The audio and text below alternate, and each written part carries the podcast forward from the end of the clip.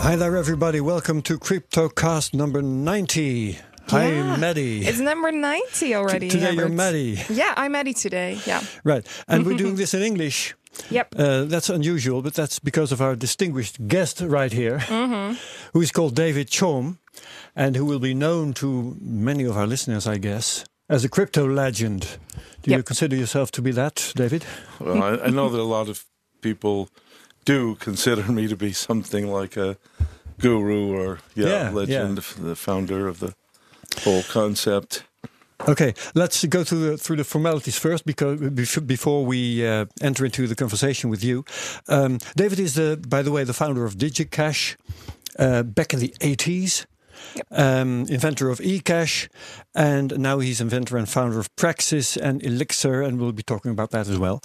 Um, First of all, uh, our show is sponsored by Satos.nl and bitmymoney.com, and we're not doing any investment advice here. No. Right, Maddie? No, we're not a financial. Uh, That's something we have to say every time Yep. because of, well, because of the lawyers, Yep. All right. And we're skipping most of our, um, the, the, the um, steady parts of our show Yep. because we don't want to lose any time talking today. Um, right. So in the 80s, you started DigiCash. I believe it was 1983, right? I looked that up. Well, um, uh, to be uh, quite a little bit more accurate, Yeah. um, actually, I invented the notion that numbers could be worth money and a way to instantiate that through the so called blind signature process, which gave the users of the money control over their own money that could not be interfered with by a financial institution and also gave the users privacy of a special type which has not been matched to date, which is privacy in where they pay, but the ability to reveal, to prove who the recipient of the funds was in each case of payments. So that's uh, we called one-way privacy. Those are, all of that was invented and uh, presented in a public uh, conference in 1982. Okay. And this you can also see the patents on it and the original paper in my uh, on my website in the publications list. But in the uh, uh, late 80s, I was working here in, uh, should I say, Amsterdam. Yeah. Uh, and at the, now I'm gonna, my Dutch is going to start to break down in the uh, Watergraafsmeer. Oh, that's beautiful. That's I better stop while I'm ahead here. But uh, out at the now it's called the CWI and formerly the Meth Center. yeah. And in those days, it was a nationally funded research institute under a single kind of master grant. You could pretty much pursue whatever interests you had.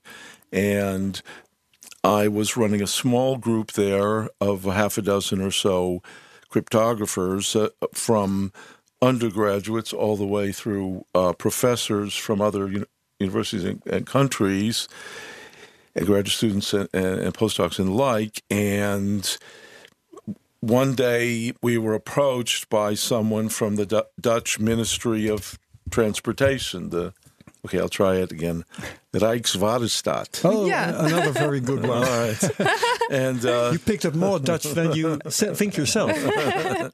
So this this fellow came to us and he said, you know, the Dutch government uh, would like to charge people for each use of the highway system, kind of like what they're proposing to do in Singapore. And then he showed us these pictures from Singapore. Yeah. And there was one problem, and that is that the was believed that if the Dutch felt that they were being kind of tracked in these payments, that they would not use the system, and this would then become a form of like uh, civil disobedience and erode the power of an embarrassed government. Okay. So this was a serious concern to to his management, and so what they needed was a way to get money from people where people's privacy was in fact protected. And he came to us because we were the nationally funded research center in secret codes and like that and math. And uh, he asked us if this was possible. And I said, yes, it is. Actually, I've known how to do this for a decade. Yeah. And he said, well, that's nice, but we have these consultants here that we're already paying a lot of money and they do work for the government and, you know, they say it can't be done and, uh, you know, we're probably just going to keep paying them a lot of money. But, and I said, well, what if we could prove to their satisfaction that this could actually be done uh, in 10 days? Would you give us the contract to do it? And this guy, he really couldn't say no because no. they thought it was impossible and ridiculous. Mm-hmm.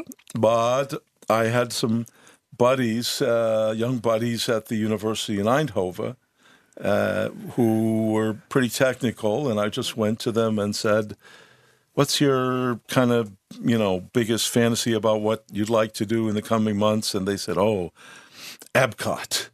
It was What's that? Uh, Disney World, oh, uh, kind ah. of yeah. Florida. This was their dream, you know, being technologically uh, uh, grown up there in Eindhoven, and then uh, you know this was a really big deal for them sure. to make that pilgrimage.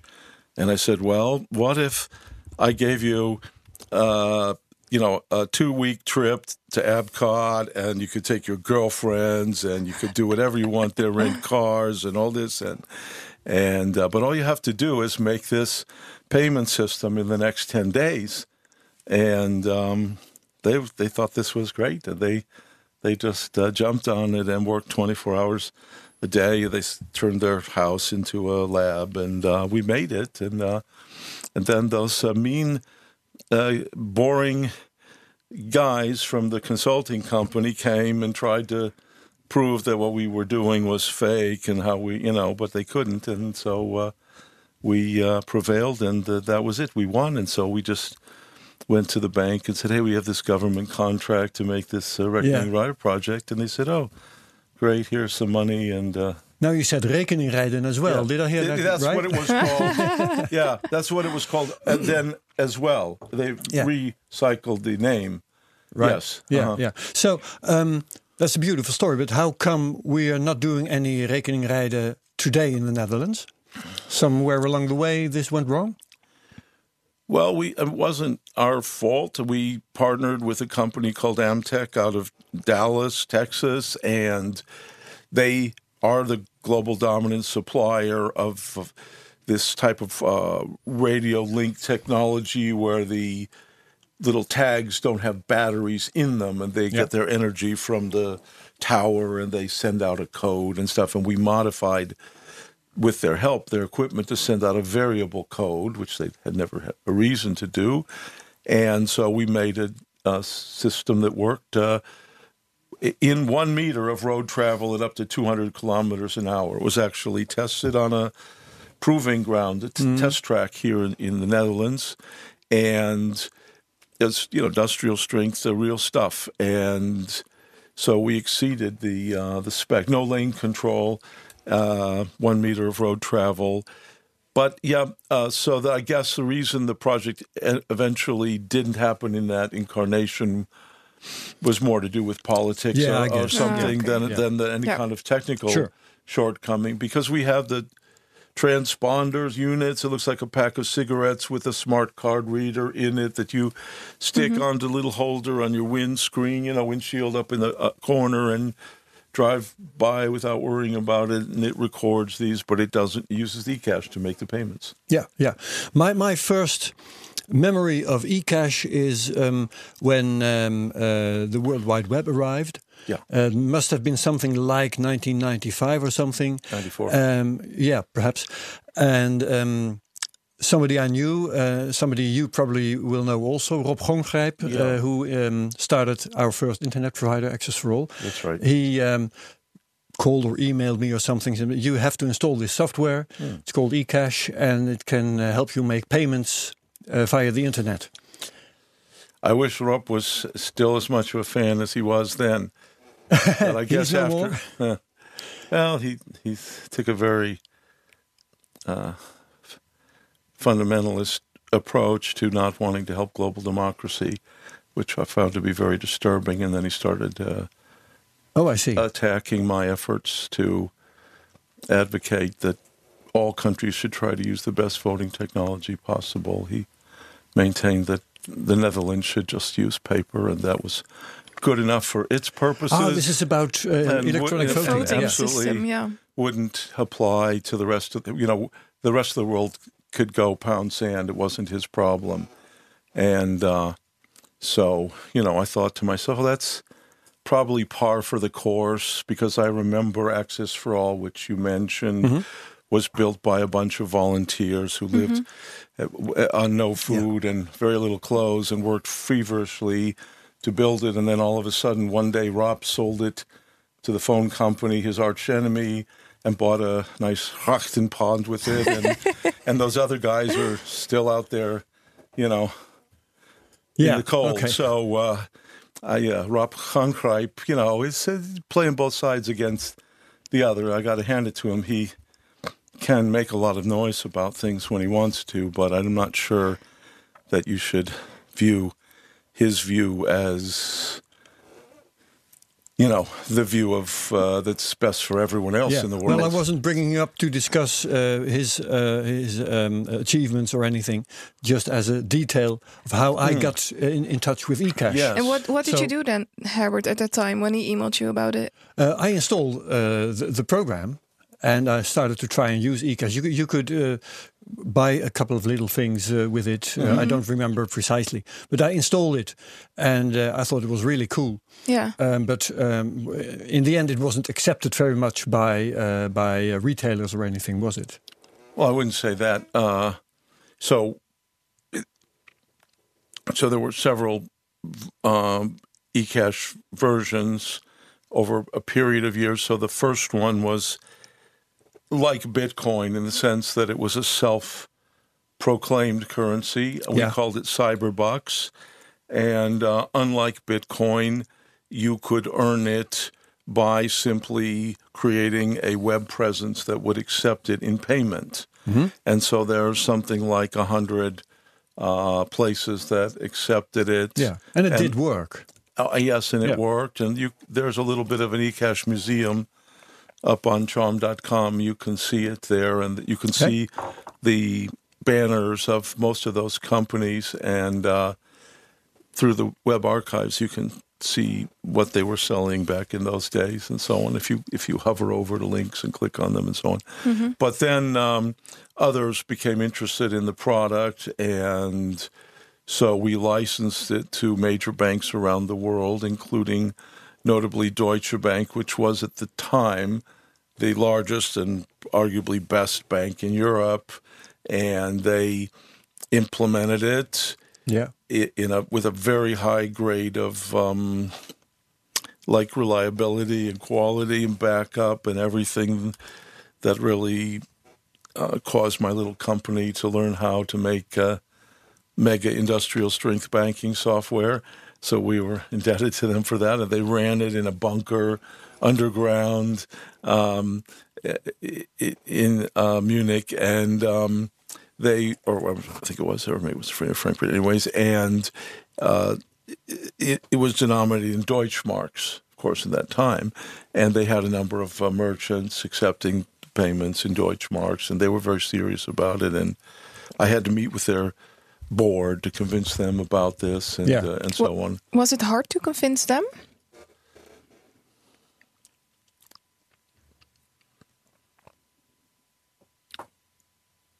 Well, I guess in general, when you have a, like a new idea and a big company, that it's sort of established in the business literature that you need a so-called champion to an internal person who's a fan of it, and uh, I think we had that in a member of their board uh, whose name was uh, Citroen, like the car Citroen, and um, so that made it, you know, it wasn't a cold call, so to speak. They wanted it. We wanted a certain amount of money from them to, Yeah. to have it. And uh, banks don't like to pay fees on transactions. Right. they really don't. They love it when you pay fees on transactions, but they are really not about to do that. They want to own stuff and make money off everybody else. That maybe that makes sense. Um, and so there was a bit of a negotiation there. So it was hard, maybe in that sense, but. Uh, we came to a happy resolution and we worked together at our technical teams and like i said we learned a lot from them and uh, yeah so it was uh, really great but we also had like advance bank in australia which was a number two or three bank at the time. We had nomura research which is a main economic uh, research institute in the uh, Japan, and they also have a bank and uh, other banking services, but they actually implemented it only internally for all their employees could make withdrawals and make um, uh, deposits actually to handle their travel costs and to buy what we call nowadays swag, you know, Nomura T-shirts and coffee cups and stuff like that, and uh, but they could use it for internal costs uh, and everything. So that was uh, interesting, and um, they that wasn't a public use. And I learned later. Now I've met all those people, and it recently shipped to Japan, and then of course there was the Japanese central bank, which was trying to develop a competing system to ours, secretly in collaboration with uh, NTT, the, the the the telephone company's uh, yeah. computer part, which is a dominant in, in, in Japan in that aspect, and so that's why Nomura didn't offer it to the public. They were experimenting with it, and they wanted to support the central bank. So, um, yeah, but then we had also U.S. dollars and a number of other, um, you know, countries and, and Yeah. things. So, yeah. Looking back at this, you you did invent the first cryptographic uh, digital currency, right? Yeah, so the way I framed it in those days was it, was the first digital bearer instrument. So just like you have bearer stocks and bonds, which is a you know piece of paper that is money, is mm-hmm. is the stock or bond, or banknote is considered to be money. My thought was that this would be a number that was worth money.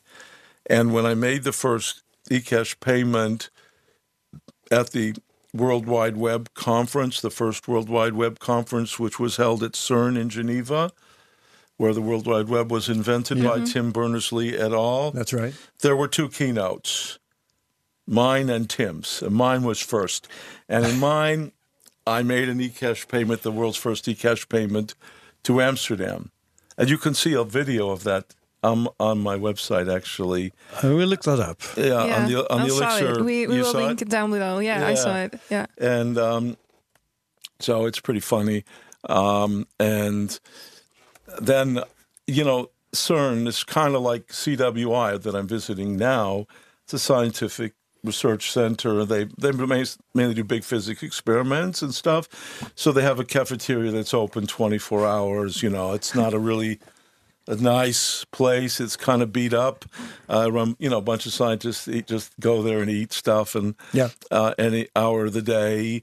But they had an outside patio as part of it, you know, in case the weather was nice. So I went out there on the patio with my laptop computer in those days, and I hammered out a two or three paragraph press release saying, "Okay, we made the first worldwide, you know, payment over the World Wide Web to numbers that are money, you know, eCash," and, and uh, I sent it as an email back to my office, and there we had a guy named Paul who was uh, part-time PR for our company, but he's also like a developer and just generally good guy around the company. Sure. And he, I don't know, maybe put some magic dust on it and sent it out to a few newspapers or something. And within 48 hours, there were like hundreds of articles about this. So, because it was covered by the New York Times and Le Monde, and it's key some key publications. And in those days, and after that, it just went out into the more and more subsidiary publications. And then I have uh, like a dozen interviews on you know talk shows and stuff Yeah. that results from that in languages I'm not even sure what they are and uh, stuff like that. I have a whole I have boxes of press clippings. So there was an idea that received a lot of interest, a number Yes. that could be worth money. Yeah, yeah, yeah. Um, so let's uh, let's uh, jump ahead in time because we have a couple of decades to cover. uh, let's first mention because you mentioned uh, CWI now um, a couple times. Um, you're in Holland right now, um, invited by CWI Centrum Wiskunde en Informatica. Yes. Um, from the University of Amsterdam, and they're Well, no, it's a, it's a freestanding institute. It's not from the University of Amsterdam. Oh, I thought they were part of the Please. University. No, no. Oh, uh, oh no, no. my uh, God, th- my well, God. I'm not Correct really me, 100 percent please. sure. The, the way it was when I lived here, be careful, was that NWO, the uh, Ja, my Dutch- Nederlandse Organisatie voor Wetenschappelijk Onderzoek. yeah, Ja. they funded CWI and NIKHEF, which is the physics part, uh, on the same campus. That's right. after the Second World War, uh, they it was built in a in a building near there. Uh, I mean, existing building, and then uh, you know, mathematics was considered a very important uh, uh, kind of research uh, at that time, and this institute built some of the first computers in the Netherlands, and it was the uh, bridgehead for the World Wide Web and Linux, Unix in those days into Europe Yes. from New Jersey. So this was a key location, and then they built this beautiful campus out in out there, and uh, for both institutes, and then the need to build a supercomputer center emerged, and for that, a partnership was um, made between the University of Amsterdam and uh, I believe it's Utrecht and Leiden. Utrecht en Leiden, ja. I believe so. Yeah. They, those three, along with CWI, paid for this computer center called SARA, and it still exists there. So, yeah, in that sense, CWI is related to UVA, but it's it's it's it's its own thing. Okay. Well, um, all I wanted to say is uh, they invited you and they're awarding you a fellowship, Yes. which is called the Dijkstra Fellowship, right? F- Uh, after uh, an uh, uh, inf- informatics guru from the Netherlands who, who is deceased, uh, great guy. Uh, and you're getting this title, uh, Dijkstra Fellow, I guess uh, it's called. And uh, when will you be receiving that? Uh, will there be a ceremony uh, shortly? Tonight, this afternoon. Yeah, Tonight, okay, and today is just for yeah. whoever uh, listens to the po- this podcast at a later date. Today is the twenty first of November, Mm. so that will be tonight. All right. Um, now I, I announced I wanted to move ahead in time. Um, at uh, in, in By the way, I'm receiving the first of those fellowships, that's right. Uh, It's the along first. with uh, uh, Guido van Guido van Rossum, who is the inventor of Python. Yes. which, which is something that grew out of the group of Meertens. They're under my uh, on my watch, under my under my eyes because we were neighboring uh, groups, my, my crypto group and the, and the Yes. languages group. Yeah. and we're interviewing Guido van Rossum in Good. uh, our other podcast, The Technoloog, Oh. uh, this same week. So that's for listeners who want to listen to that one as well. Um, all right, but uh, so congratulations on your uh, fellowship, and let's now move ahead to uh, Bitcoin. Yeah. Because in 2009, that's what this show uh, Oh, oh, mainly oh. is about. Okay. Sorry. Um, no, no problem. Um, Bitcoin uh, was invented in 2008. Um, Some say. some say. Well, Yeah. all right. Uh, th- this is going to, to be fun, I, I hope, because um, one of the th- questions we always ask our guests on this show is how did you hear about Bitcoin? So, can you tell When me your story? learn? Yeah. How you heard about Bitcoin and what you thought of it at the time? Well, I- I'd like to add a different perspective, maybe, to Sure. what you Yeah, commonly. because you had invented Yeah, some digital money before. yes, I had Maybe invented had- electronic money in 1982, as I mentioned, and published it and filed for patents then. And actually, beginning in as early as 1979, and submitted as a dissertation for my PhD at UC Berkeley uh, in 82, you will find a document that lays out all of the aspects of blockchain. That is both kinds, permissioned and unpermissioned, and their variations. Everything about blockchain, apart from proof of work, which is something I saw presented by one of my co authors, Moni Naor, and a woman who I don't believe I've been a co author with, but was Moni's co author on that paper, named Cynthia Dwork. And they, I believe, were affiliated with IBM at that time, and I think it was 1993. So the white paper is just combined. It just combined your um, research and the research you just mentioned with the proof of Naor. yeah, with the proof of work principles as well. That's right. Yes, yes, and, and uh, uh, so my dissertation wasn't just a lot of happy talk. It was. Uh, it, it looked like a program. It was a specification language. It's written in a high-level pro- programming language. Uses the specification language, not very much unlike Python. It was called SETL, and some say that SETL was a precursor for Python. It's a similar language based on set theory, um, and yeah. So, but in the in the blockchain uh, mythology, uh, proof of work was invented later, not in the publication that took place at the main conference in cryptography in 1993, but right. by by a sentence that someone published on a blog somewhere several years later. Someone named uh, Adam Back, um, who uh, doesn't seem very interested in what's going on, but he does have his own proposals. So, uh, anyways, I had to. I gave a lecture recently where the whole time he fiddled with a, a Rubik's cube while he was sitting in the front row, trying to distract me or just amuse himself or fight the boredom of hearing how a real blockchain could work much better than what he had proposed. So, any event, I don't really know the ins and outs of uh, of the politics uh, of that, and if I did, I wouldn't.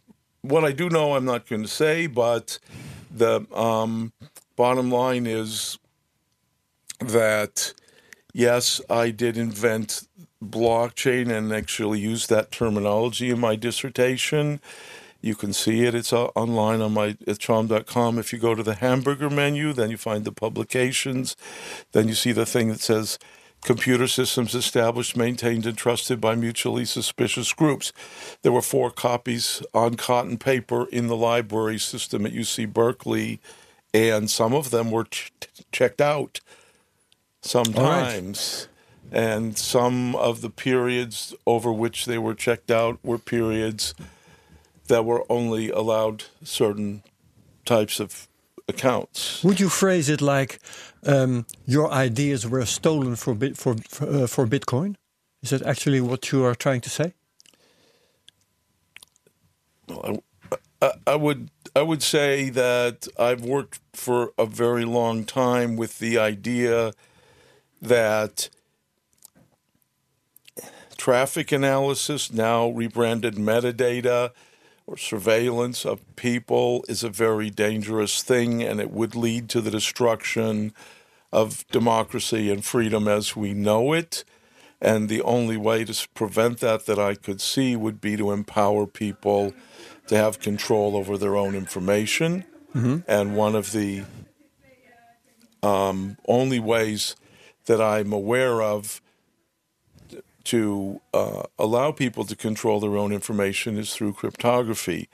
And so, what I did over a period of decades is constructed mechanisms that allow people to control their informational lives in a way that fit well with the rest of society and that protected society from abuse by individuals, while at the same time protected individuals from so society, social pressure, uh, or surveillance, if you will. And Yeah.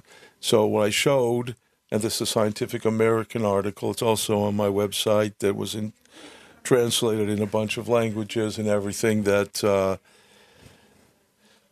by invitation that showed uh, that it's possible to achieve this in a practical way. Uh, you, and one of the components of that was uh, blind signatures for eCash, and another part was the uh, a kind of untraceable uh, messaging, and a third was a generalization of the payments mechanism to allow for what are so-called credentials.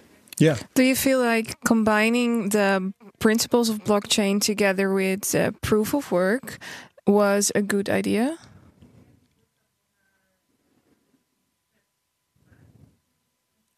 Well, I mean, I think that the just just a quick question. I mean, there's people talking in the background. There's people talking in the room next door. Yeah. Yeah, I'm wondering, am I wasting my time with this interview, or should we? Uh, no. Um, is it coming into your system, or somebody. is it, It's is it uh, unavoidable? um, it's probably unavoidable. Muddle, could you please uh, ask him to uh, to turn it down a little bit? It's bothering you. Um, I understand. Well, I I just don't know whether it's bothering your your listeners. I'm hearing it Not through very these much. We, headphones. we get oh, no. Mm, yeah. Well, um, you're not wearing the headphones. I I'm hearing it very well, Oh, really? but So I'm I'm more or hearing less it through used the to microphone. it. I'm more or less Oh, used to oh, it. So, okay. and we get no complaints from listeners. Oh, for this. okay. Well, that's fine. That's I'm I'm good. So Okay. okay. So uh, uh, can the, you? The question was about the combination blockchain, um, blockchain, Blockchain and together proof of with proof of work. Yes.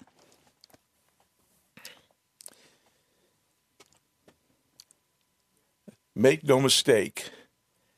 Bitcoin changed everything, mm-hmm. and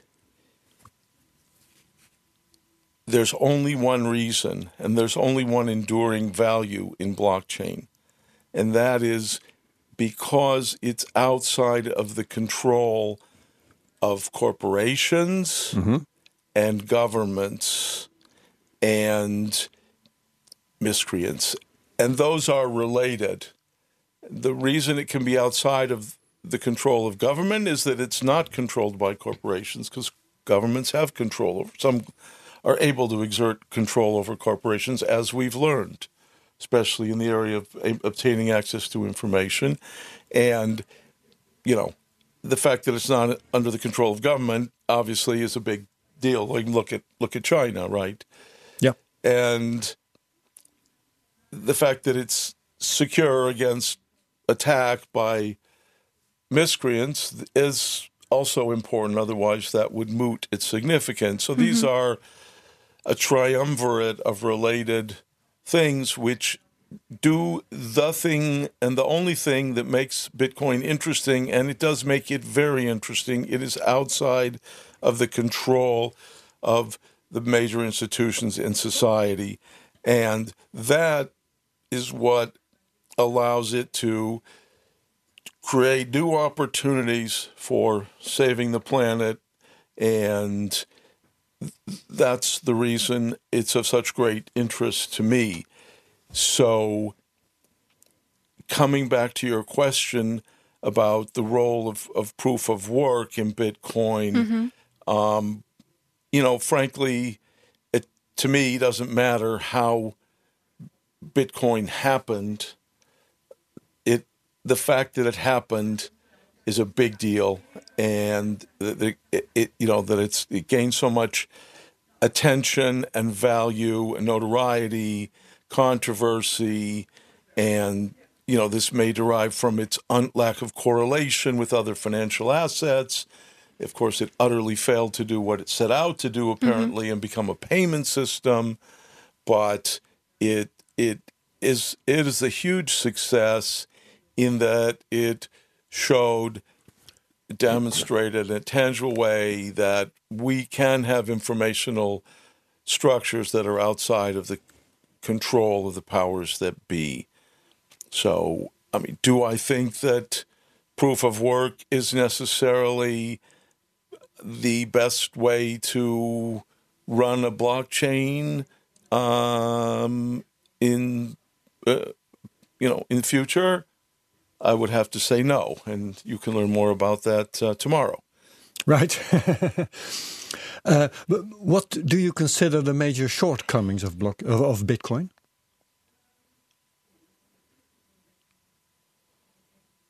Well, I mean, I think it has enough of great achievement to merit, uh, you know, a lack of of focus on uh, specific shortcomings. I, I, mean, you know, you could you could rattle off things, but I mean, um, probably make a lot of people mad. that doesn't matter. you know, like I said, okay. it was supposed to be a, a read the first payment system, phrase yeah. Of, Yeah. The, of the abstract of the famous white paper, and it was supposed to be a distributed payment system, and it, it's not Peer-to-peer, turned yeah. out to be that at all. Uh, but um, yeah, okay. I mean, they, they they made it work, and this is a big deal. Uh, you say they made it work?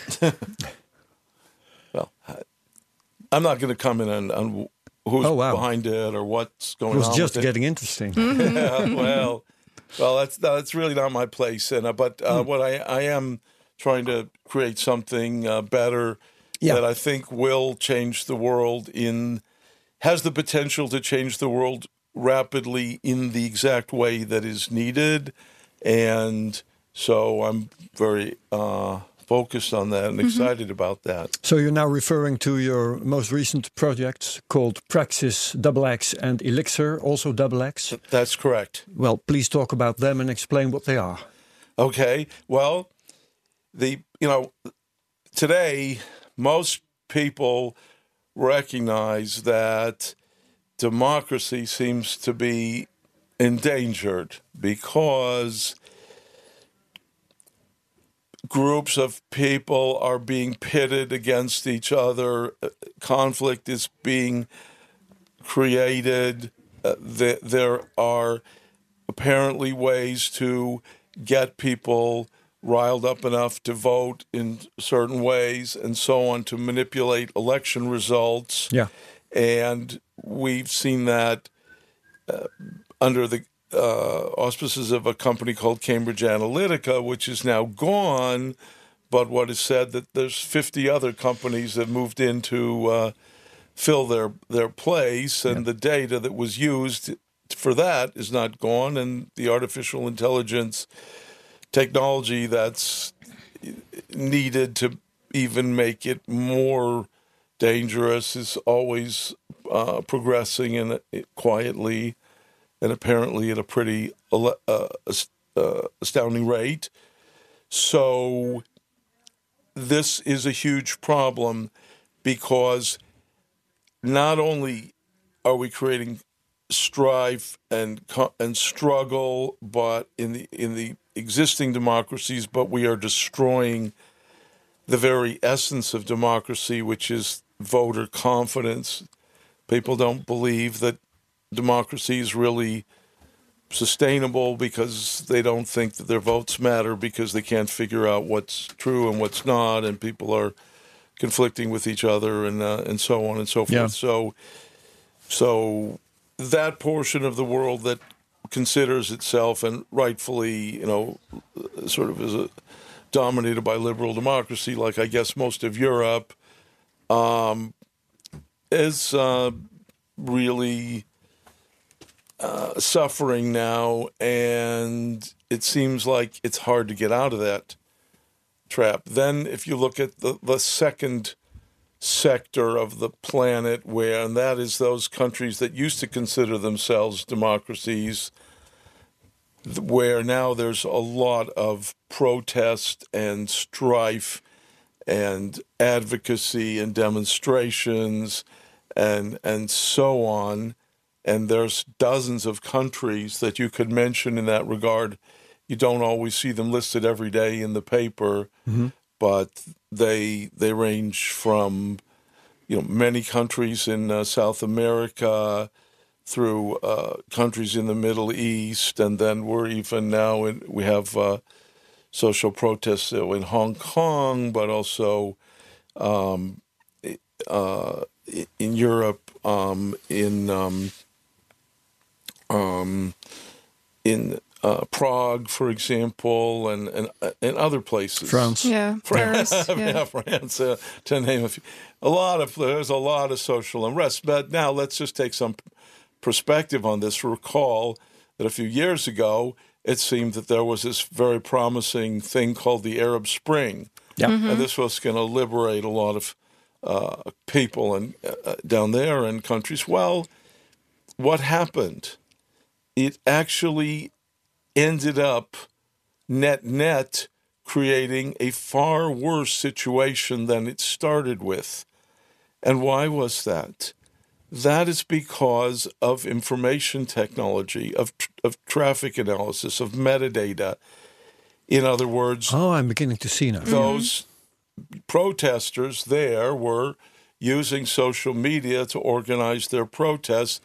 The net effect in the end was, of course, that th- those leaders were identified by the pattern of their communication who talked to who before what event and after what event and so on. And those leaders ended up, you know, In dead, jail. Yeah. dead Yeah. or worse. Oh, I, yeah, I would yeah, say. yeah, yeah. And you know, you'd only have to watch movies about governments trying to ferret out social movements to see how important networks of associations figure in to these things, or read mm-hmm. the published report of the U.S. Central Intelligence Agency about how they took over Allende's Chile which they were Yeah. forced to make public by the U.S. Congress as one example of their social, their covert action. So this is well documented. It was all based on traffic analysis. And this this metadata thing is it relates to what your company does, Elixxir, Yeah, right? yeah. The- Yeah. So there is no technology today that prevents the collection of metadata, and except ours. So we have, and this is what I was working on, even back in the day when I was here at uh, CWI. Um, it's it's it's a it's a not an easy problem, but it is solvable, and so uh, you'll see it in the Scientific American article as well. You have to, you know, whenever you're dealing with the computers, obviously communication between you and the computers is strictly necessary and it becomes you know an important part of things. And if that communication is of the nature that it allows messages to be traced in other words someone to sit back and look at the network like what Edward Snowden told us the NSA does so the so-called full take and see who's sending messages to whom and when then that messaging system is leaking metadata Yeah. what's now called metadata. In in military intelligence, it had always been called traffic analysis data. All right. And it's a kind of data that's given a special status, not generally protected by law, but it is the bread and butter uh, for spooks. Yeah. So Elixxir enables you to communicate without spreading any metadata around. Is that right? Yes, we, we I like to say that uh, Elixxir shreds the metadata before it is even constituted as data. Okay. So we send messages through a series of nodes, uh, computer nodes, Yeah. and each node gets to kind of, let's say, shuffle a batch of identically shaped and timed messages before passing it on to the next node. And those shufflings are, of course, like a secret random key known only to the node. So by the time the batch has been randomly shuffled by eight nodes, so eight independent separate shufflings where the keys are only known to the eight separate nodes, you have a situation where, in order to be able to trace a particular input message to a particular output message, you would have to compromise or collude with all eight of those nodes because each one does a full, perfect uh, rearrangement of its inputs into the outputs, and the inputs are differently encrypted than the outputs, and all the messages are of the same exact size. Can I say, just for the sake of comparison, that it's like Tor but for messaging? Well, I, I would I would rephrase that for you. If Okay, you, if you please. don't mind, I would say Yeah. it's like Tor, except that it's not fake and it's not a honeypot. Oh wow, Say Tor stole my idea. there's a lesson there. Oh right. Yeah, they refuse to give credit. Even the new director, that's a bunch of NSA. Pay, they're all look at their budget. They're all paid by the NSA. Do you think the NSA would be paying people to protect privacy globally? No, it's a honeypot. And how is it different from an app like, for example, uh, Telegram or Keybase? Okay, so no, so again, no commercial product protects metadata. No commercial product shreds the metadata. There has been a, uh, you know, in, in magic, you call it like, I guess, a distraction. You know, look, don't look here, look over at this. There's been a distraction of companies saying, oh, we encrypt the data end to end. This is strong encryption. So be happy. You know, Uh, well, it turns out. A, that that encryption is not strong because it's all based on the same elliptic curve that was issued by the U.S. government, some of whose sisters were learned to have been issued by the U.S. government deliberately with uh, trapdoors in them. Uh, so it's heavily based on s- single curves that are very suspicious uh, and unnecessarily uh, concentrated. Uh, it would be like using only the same kind of padlock to secure a whole city. A standardized padlock that was issued by a certain criminal organization that was known to want to break into people's houses. I mean, that's but the NSA doesn't use the standards that they promulgate. Yeah. They promulgate them through NIST, the National Institutes for Standards, but they approve them, they test them, but they don't use them, of course. So anyone who uses standardized cryptography is a sucker because gov- no government, no self-respecting government would use a, a cryptographic system that was given to them for free by the National Institute of Standards under the moniker of uh, us, you know, it being a standard algorithm.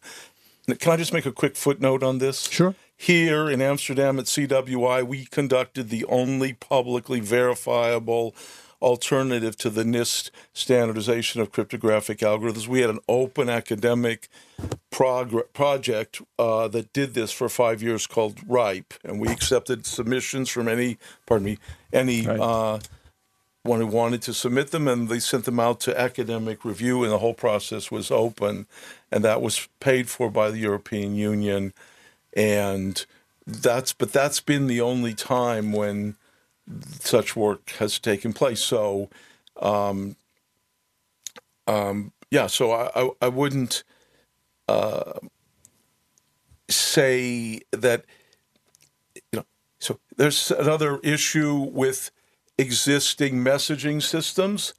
It's called man in the middle. Yeah.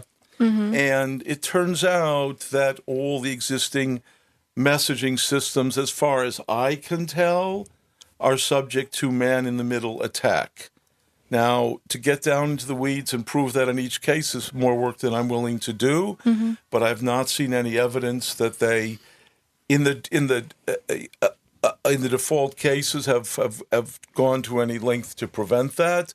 And in fact, there's an article in the open literature which claims to show you exactly how Apple could man in the middle any of their iChat messages, and I don't see why that sort of technique wouldn't apply to uh, Telegram and uh, the like. So even the claim that they have strong end-to-end encryption, you know, even though it's misleading to use the word strong when maybe they could say government standard and and so on, it is it could very well be even more misleading because it leaves open the possibility that a man in the middle attack can be applied to break those end to end keys. Yeah. Uh, especially, and that's facilitated by being the organization that sets up these keys for those users. But it also, you know, belies the real important fact, which is that none of those systems have a, a chance of shredding metadata. They are, in fact, in a position to collect metadata, but they certainly don't hide it from those who are making what Edward Snowden called the full take and actually mm-hmm. have the capability to, to, to just capture it themselves. So, you know, we're living in a world where these uh, the spectrum of of let's say messaging apps varies in terms of their political stance, with their, their, their marketing position with respect to how concerned they are about the, the privacy of their users.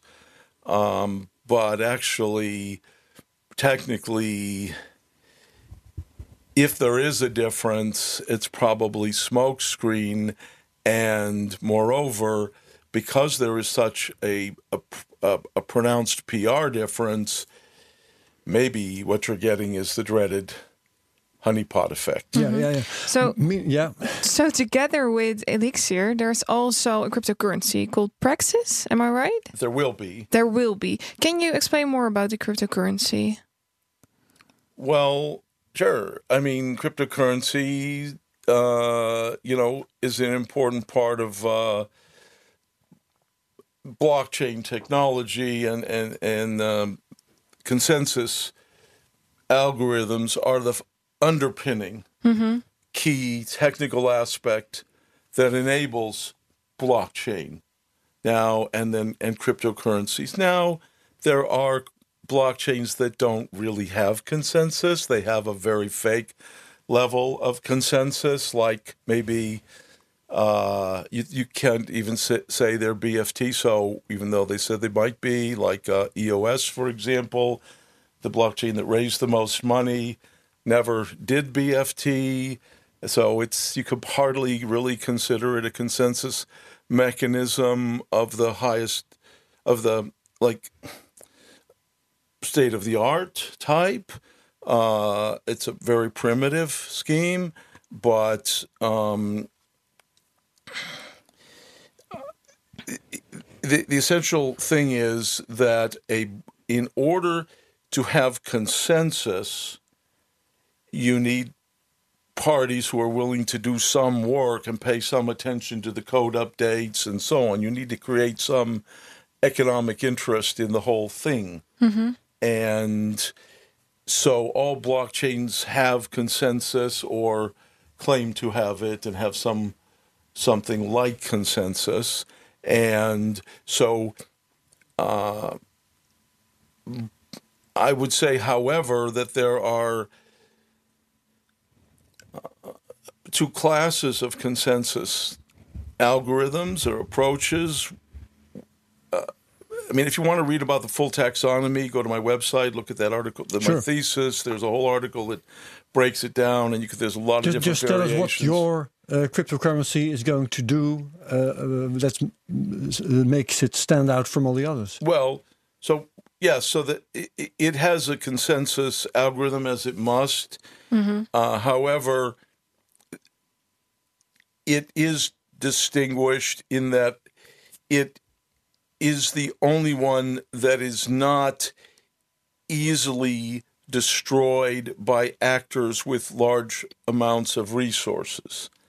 So that would be, for instance, nation states or whales, as sometimes called, uh, uh, intelligence agencies, that sort of thing. You know, there is a global war on that's based on weaponized money. Mm-hmm.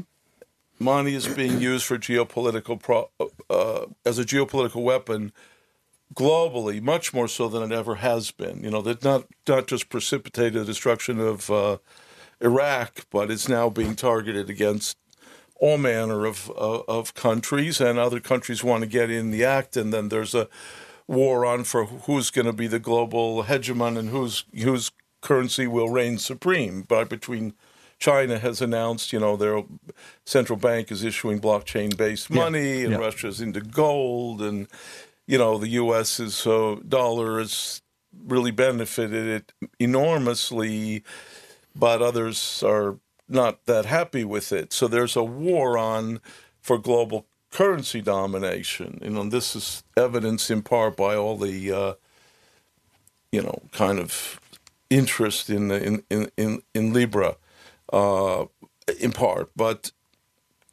so so my point is that to the extent that Bitcoin really was all about this very interesting thing, which is a creation of a currency that's outside of control of government. Yeah.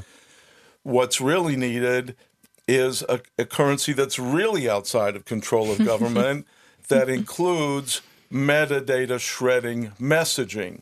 And no other crypto project includes messaging, let alone metadata shredding messaging. And no other project has credibly risen to the challenge of so called quantum computers.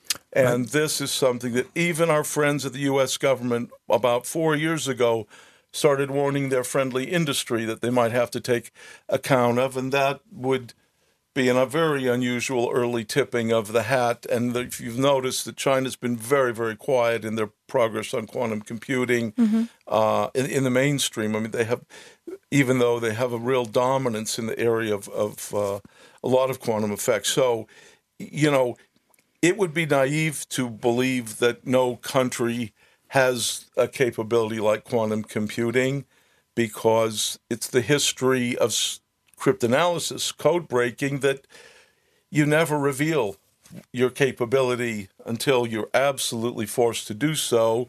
And to so much to the extent that, I mean, over at the CWI, uh, I was there yesterday and I walked by this Enigma machine in the lobby, which used to be in my office. And I was reminded that the U.S. government knew that passenger ships packed with passengers fleeing fascism were, were being sunk by German torpedoes.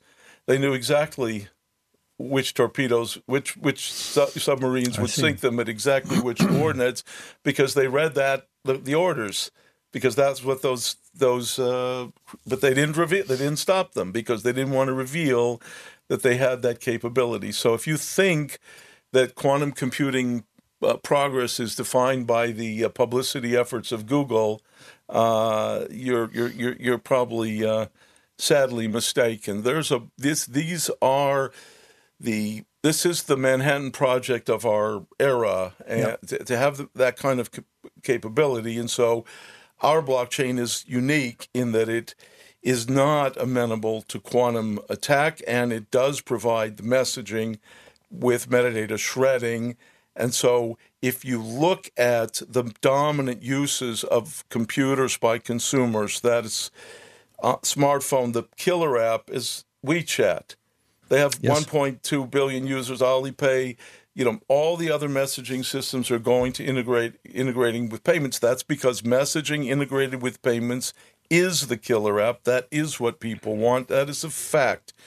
So what we're doing is we're creating a, a, a unpermissioned that is open unstoppable by governments and other economic actors blockchain that includes both metadata shredding messaging and metadata shredding payments, but it is empowered by a quantum resistant consensus algorithm. And so, what it does is it creates a,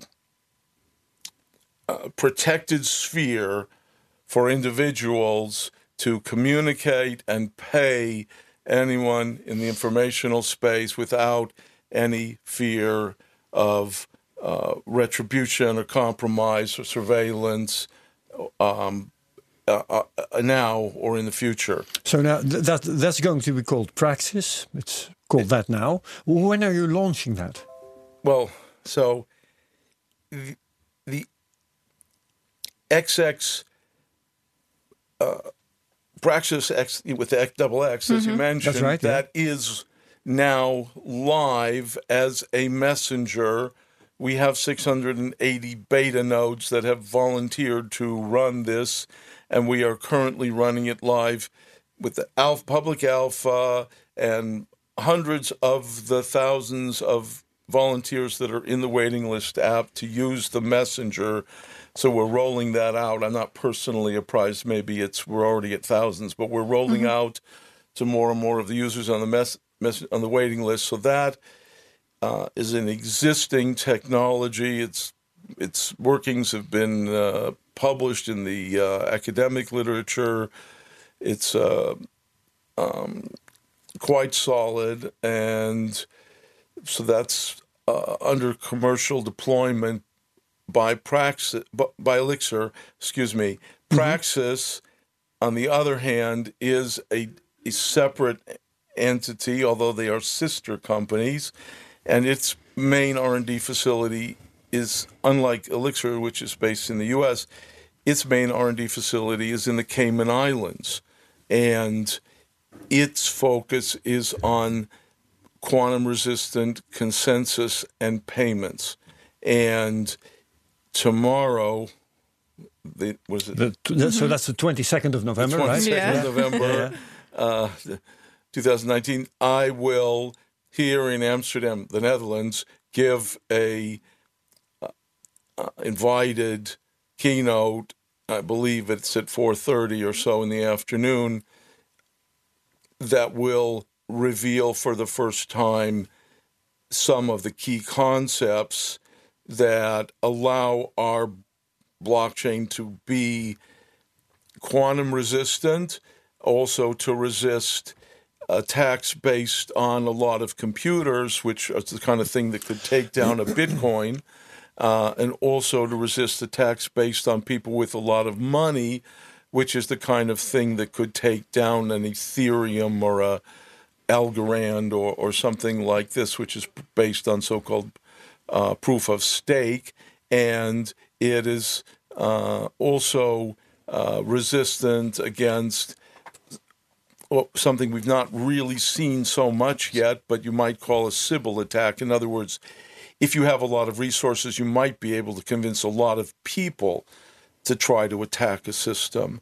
And our system is resistant against that sort of attack as well. So it's a very uh, robust system, and it's also very interesting from a mathematical theoretical point of view. It's the only blockchain, it's the only consensus algorithm that, uh, after the 40 years of history of work on consensus algorithms, now we've seen a lot of very elaborate ones and money raised on some very uh, hard to quantify and really understand and complex uh, algorithms.